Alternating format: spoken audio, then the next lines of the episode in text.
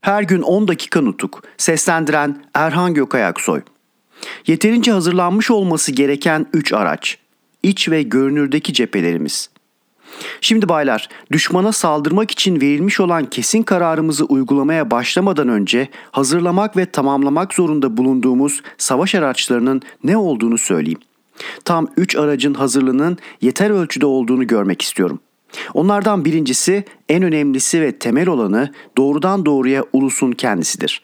Ulusun varlığı ve bağımsızlığı için gönlünde, vicdanında beliren ve gelişen istek ve dileklerin sağlamlığıdır. Ulus bu içten gelen isteğini nedenli güçlü gösterirse bu istek ve dileğinin gerçekleşmesi için nedenli çok dayanç ve inanç gösterirse düşmanlara karşı başarı sağlamak için o denli güçlü bir aracımız olduğuna inanırım. İkinci araç ulusu temsil eden meclisin ulusal isteği belirtmekte ve bunun gereklerini inanarak uygulamakta göstereceği dayanç ve yiğitliktir. Meclis ulusal isteği nedenli çok dayanışma ve birlik içinde belirtirse düşmana karşı o denli güçlü bir üstünlük aracımız olur. Üçüncü araç ulusun silahlı yavrularından meydana gelip düşman karşısına çıkarılmış bulunan ordumuzdur. Baylar dedim, bu üç türlü araç ya da kuvvetin düşmana karşı oluşturduğu cepheler iki nitelikte düşünülebilir. Kolay anlaşılmak için şöyle diyeyim. İç cephe görünürdeki cephe. Temel olan iç cephedir. Bu cephe bütün yurdun, bütün ulusun meydana getirdiği cephedir. Görünürdeki cephe doğrudan doğruya ordunun düşman karşısındaki silahlı cephesidir. Bu cephe sarsılabilir, değişebilir, yenilebilir ama bu durum hiçbir zaman bir ülkeyi, bir ulusu yok edemez. Önemli olan ülkeyi temelinden yıkan, ulusu tutsak ettiren iç cephenin düşmesidir.''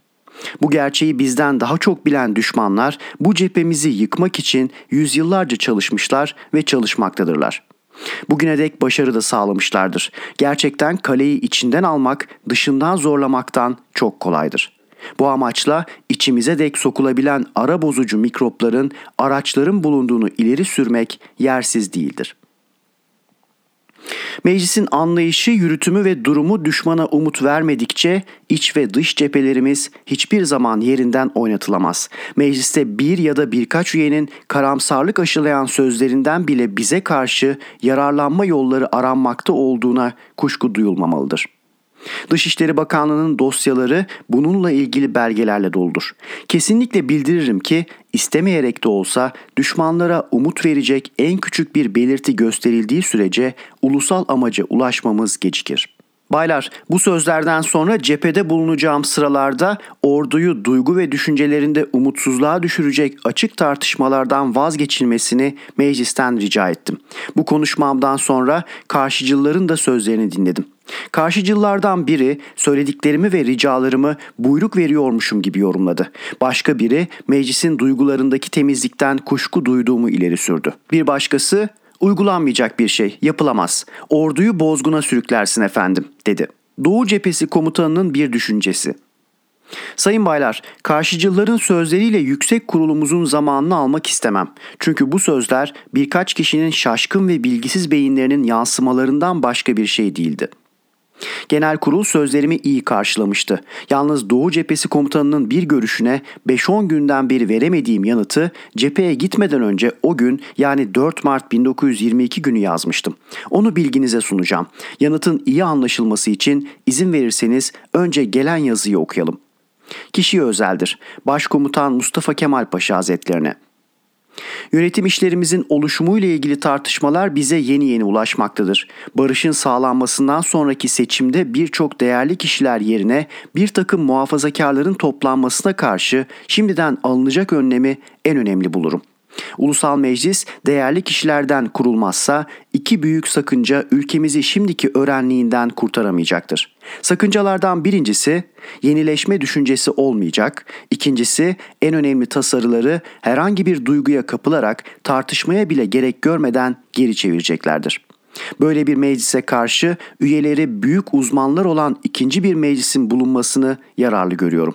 Bu ikinci meclis ulusal meclise yön vereceği ve onu ilerleteceği gibi ülkenin varlığıyla ilgili kararlar Millet Meclisi'nde coşkuyla kabul edilmese ya da edilse bile bu meclisin uyarması ve aydınlatması üzerine değiştirilebilir ve dokuncası önlenebilir.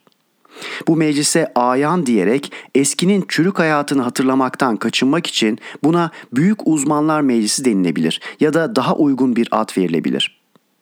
Üyelerini bir takım sınırlamalar ve koşullar altında milletvekili seçiminde olduğu gibi ulus seçebilir. Bu üyeler için herhangi bir mesleğin en yüksek öğrenimini görmek ve Türkiye hükümetinin bakanlığını, valiliğini ya da ordu komutanlığını yapmış olmak gibi önemli koşullar ayrıntılarıyla saptanabilir. İşin ayrıntıları iş başındaki hükümetlerin de incelemesiyle her türlü sakıncadan ayıklanmış olarak saptanabilir. Büyük Uzmanlar Meclisi kabul olunursa her bakanlığın danışma kurulu da bu meclis üyeleri arasından ayrılır.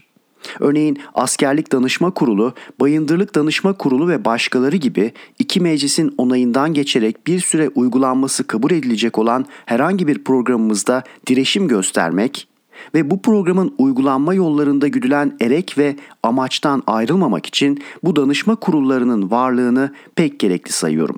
Böyle olmazsa bakanlar değiştikçe program ve bunu yapacak adamlar da az çok değişmekten kurtulamayacaktır. Bundan başka kabul edilen herhangi bir şey uzmanlarınca kabul olunmazsa eleştiriye yol açar. Ulus buna gereği gibi sarılmalı. Millet Meclisi'nin ulus adına bir şeyi kabul etmemek ya da etmek ve denetlemek hakkıdır. Ama bu başka, uzmanların yapacağı ve bundan sonra kabul olunacak şey de başka olur. Olağan duruma dönüldükten sonraki zamanla ilgili kaygılarımı ve düşüncelerimi sunuyorum. Yüksek düşüncelerinizin bildirilmesini rica ederim.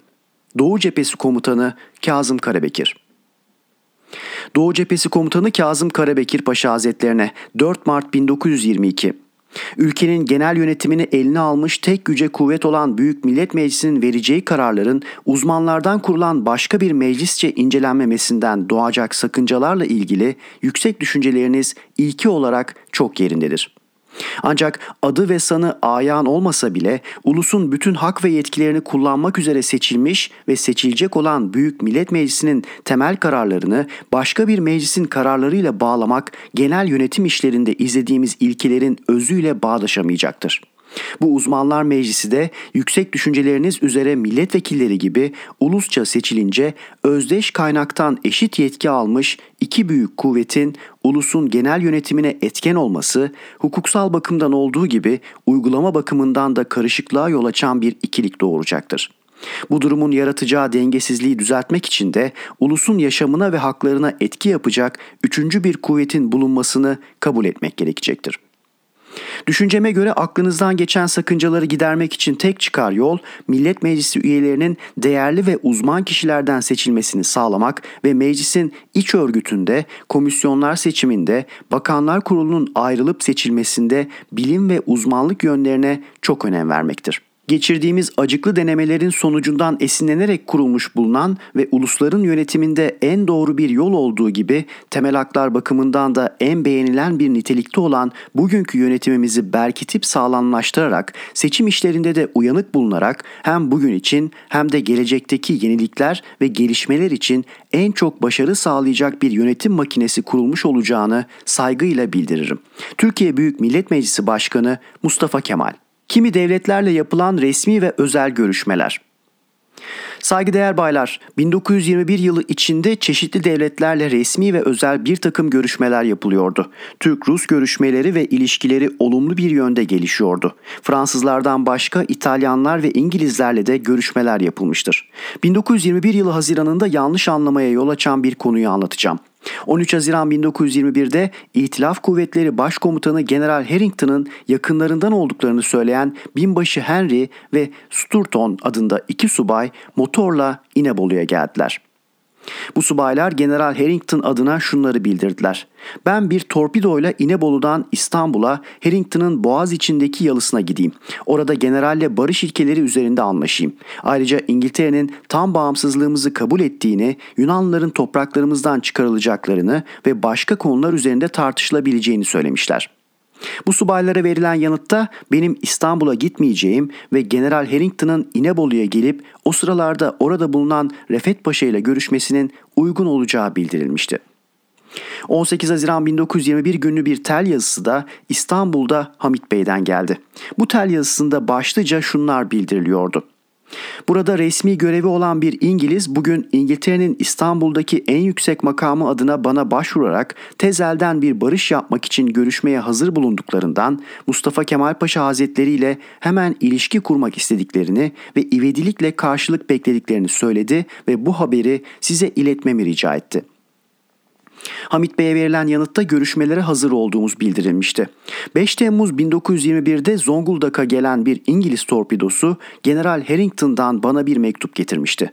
Çevirisi Ankara'ya telle bildirilen bu mektup şuydu. Komutan Henry aracılığıyla aldığım habere göre siz bana bir askerin bir askerle görüşmesi yolunda kimi düşünceler bildirmek isteğinde bulunmuşsunuz. Durum böyleyse sizin uygun göreceğiniz bir günde İnebolu'da ya da İzmit'te sizinle buluşmak üzere Ajax zırhlısıyla gelmeme İngiltere hükümetince izin verilmiştir.'' Siz isterseniz durum üzerinde çok açık ve serbest olarak görüşmeye hazırım. Düşüncelerinizi dinlemek ve bunları incelenmek üzere İngiltere hükümetine bildirmekle görevliyim. İngiltere hükümeti adına görüşüp konuşmak için hiçbir resmi yetkim yok. Görüşmenin İngiliz zırhlısında yapılması gerekir. Zırhlıda yüksek kişiliğiniz size yaraşır bir biçimde karşılanacaktır. Karaya dönünceye dek tam bir özgürlük içinde bulunacaksınız. Bu türlü bir buluşmayı kabul ederseniz size uygun gelecek gün ve saatleri bildirmek iyiliğinde bulunmanızı rica ederim. Her gün 10 dakika nutuk. Seslendiren Erhan Gökayaksoy.